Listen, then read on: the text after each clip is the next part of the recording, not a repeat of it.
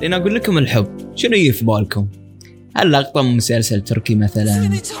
أو مثلا تتذكر أغنية حب وجنة لشيرين أو جسوم وهو يقول حق نورية أحبك أو ممكن تتذكر الوالدة اهلك ربعك إخوانك واللستة الطويلة وايد ناس صح؟ زين شنو هو الحب؟ هذا الشيء اللي ممكن عشناه وإحنا ندري أو ما ندري، خلونا نعرف حكاية الحب. بودكاست حكاية نغوص في أعماق الحكاية.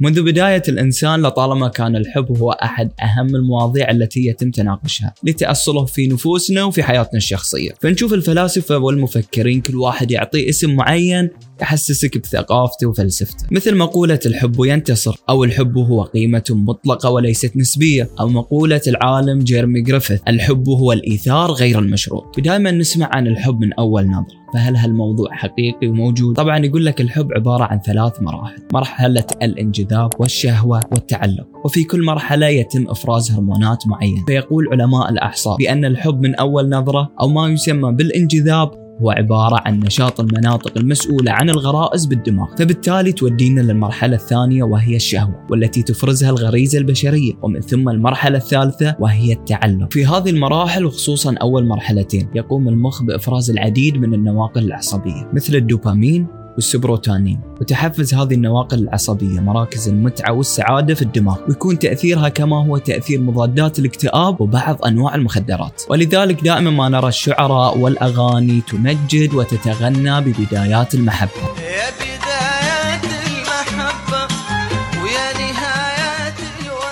ولكن كحال أي شيء في هذه الدنيا إفراز هذه الهرمونات له بعض الآثار السلبية مثل ارتفاع ضربات القلب فقدان الشهوة للطعام وقلة النوم.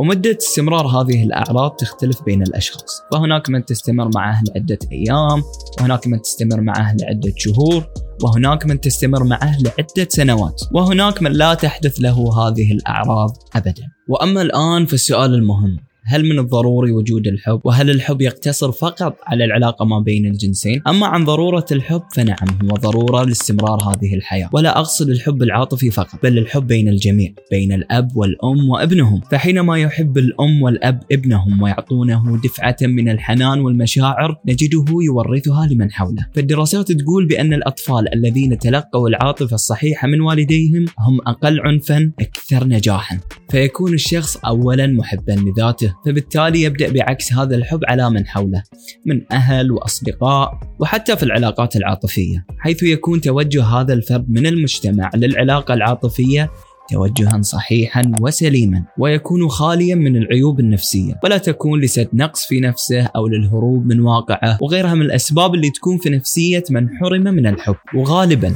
حينما يكون الأساس في الدخول في العلاقات العاطفية غير صحي نجده يؤدي للوقوع مع الشخص الخاطئ وفعل التصرفات الخاطئة. وغالب ما يحدث هنا يكون علاقة مرضية غير صحية. يكون المستفيد منها جانب واحد والمتضرر الجانب الآخر دون تبادل للحب الصحيح. انزين هناك جانب آخر من العشق والحب.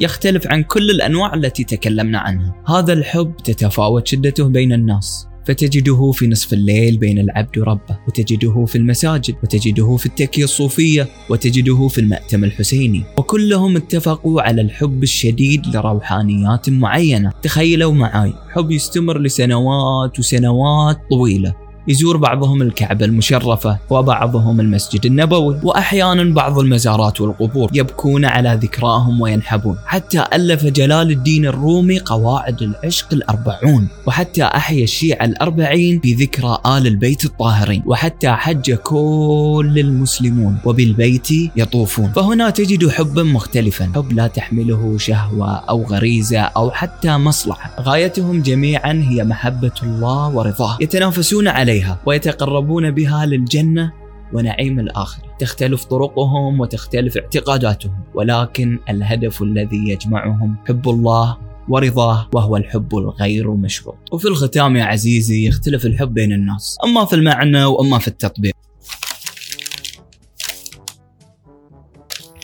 كان الحب الحقيقي للأكل. ولكن ما اتفق عليه الجميع هو ضرورة الحب. أتمنى أنكم استمتعتم بحكاية الحب. شكرا على المشاهدة وشكرا على الاستماع. أيضا كان معكم من الإعداد والتقديم عبد الله الحجي ومن التصوير والإخراج جهان بوبشيت. شكرا لاستماعكم ونلقاكم بإذن الله على حب وعلى خير.